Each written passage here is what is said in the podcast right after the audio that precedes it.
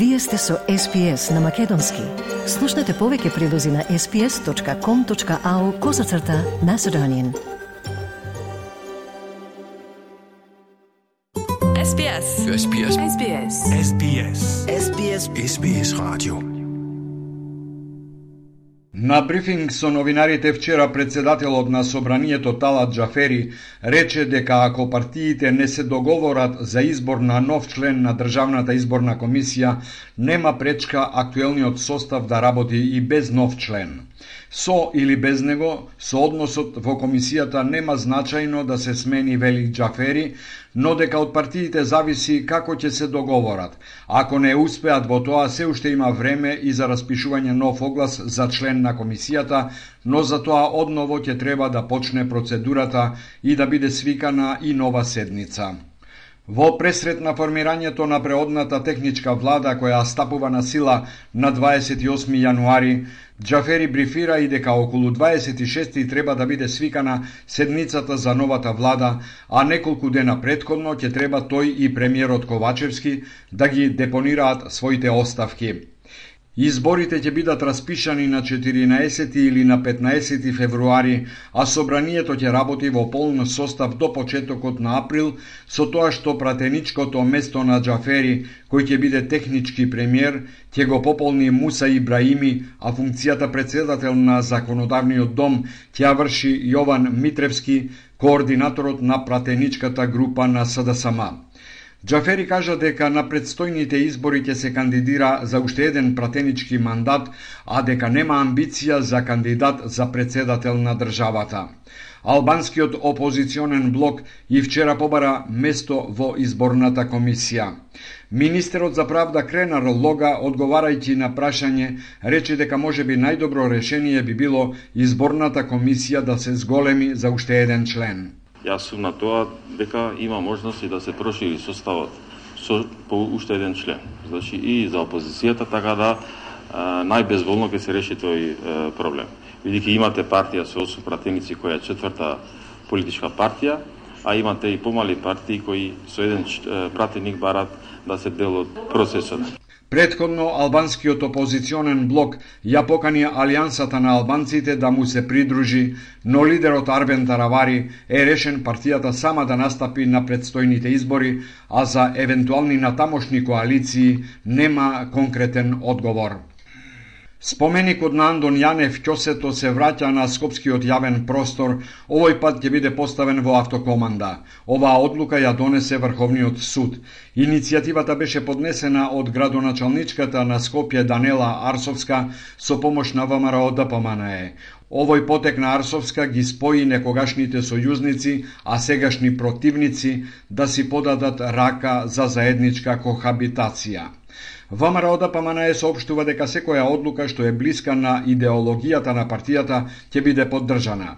Сметаме дека овој историски лик заслужува спомен обележје и заемна почит. Фрапира антимакедонското однесување на СДС која се противеше на поставувањето на спомен обележјето што представува продолжување на нивната политика за разградување на македонското јадро по изгласувањето на одлуката на Потеке Арсовска, која не треба да подклекне на влијанијата на незината коалиција во Советот предводена од СДС, која е јасно против ваквата иницијатива, се вели во реакцијата на ВМРО ДПМНЕ. Споменикот се враќа по неколку годишно мирување во магазинот на една скопска фабрика. Споменикот беше поставен пред судската палата во 2014 година, а одстранет пред пет години кога градската власт ја презеде Петре Шилегов во 2018-та. Образложението беше дека е дивоградба и дека на негово место ќе се засади дрво на човековите права. Ќосето на споменикот е представен со кама во раката. Историчарите имаат различни толкувања за неговата историска улога. За едни е патриот кој убивал непријатели и душмани, за други джелат. Буџетот на Министерството за одбрана за едната година изнесува историски 2 од бруто домашниот производ, истакна министерката Славјанка Петровска на годишниот брифинг за оваа година. Тоа ќе овозможи набавките на оклопните возила GLTV, оклопните возила Страйкер, системите за противвоздушна одбрана Мистрал 3 и артилериските орудија Боран да продолжат да пристигнуваат согласно договореното. 42 возила треба да бидат, односно веќе се е склучен договорот и нивната испорака треба да започне во декември 2024 година. На прашањето на новинарите дали Македонија ќе продолжи воено да ја помага на Украина, Петровска даде негативен одговор. За жал овој пат не можеме позитивно да одговориме затоа што станува збор за опрема која е дел од нашата формација, односно од употребата на македонската армија но во овој момент немаме најава, односно немаме конкретно побарување за тоа колкав број на припадници на, на украинската војска и каков вид на обука ќе бидат ќе бидат извршени. Министерката додаде дека сепак има подготвеност за нова обука на украински војници на македонска територија.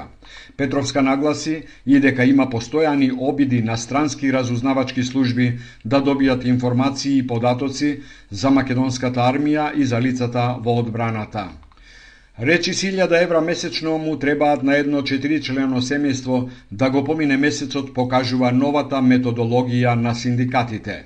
Методологијата за пресметка на минималната синдикална кошничка ја изработија универзитетските професори и поранешни министри за финансии Никола Поповски и Драган Тевдовски. Поповски вели дека досегашниот начин на пресметка е застарен и не ги покажува реалните трошоци на едно семејство. Па така, додадени се четири нови ставки и тоа за школување на децата, за кабловска телевизија, за интернет и за мобилен телефон. Поповски на пресконференција рече – На другата страна, ако имаме двајца вработени со две минимални плати, двете минимални плати се 40.350, што значи дека тие се многу близко 71,4% од минималната синдикална кошничка. Како што гледате, и двете минимални плати се далеку од доволни. Председателот на Сојузот на синдикатите Слободан Трендафилов рече дека новата методологија покажува дека платите не растат доволно. Оваа синдикална кошничка не требаше да покаже со што можеме да преживееме како работници, туку требаше да покаже дека а, ни е потребна достоинствена плата за достоинствената работа која работиме и дека доколку растат платите, задоволството кај работниците ќе расте и продуктивноста ќе расте, во спротивно не можат да очекуваат продуктивност со а, мали плати. Методологијата доби зелено светло и од надлежните. Министерката за труд Јована Тренчовска вети дека ќе биде земена предвид кога ќе се крои владината политика. Оваа методологија ќе ни овозможи да ги анализираме вистинските и релевантните потреби на семејствата во реално време, На презентацијата, освен министерката, присуствуваа и работодавачите. Според пресметките, само за храна и пијалаци се потребни 21.000 денари, за облека и обувки околу 5.000 денари, за станарина, вода, електрична енергија и грејење околу 6.000 денари, за лична хигиена без малку 2.000, За здравје се потребни повеќе од 1000 денари, за рекреација и култура над 4000 денари, а за образование речиси 7000 денари.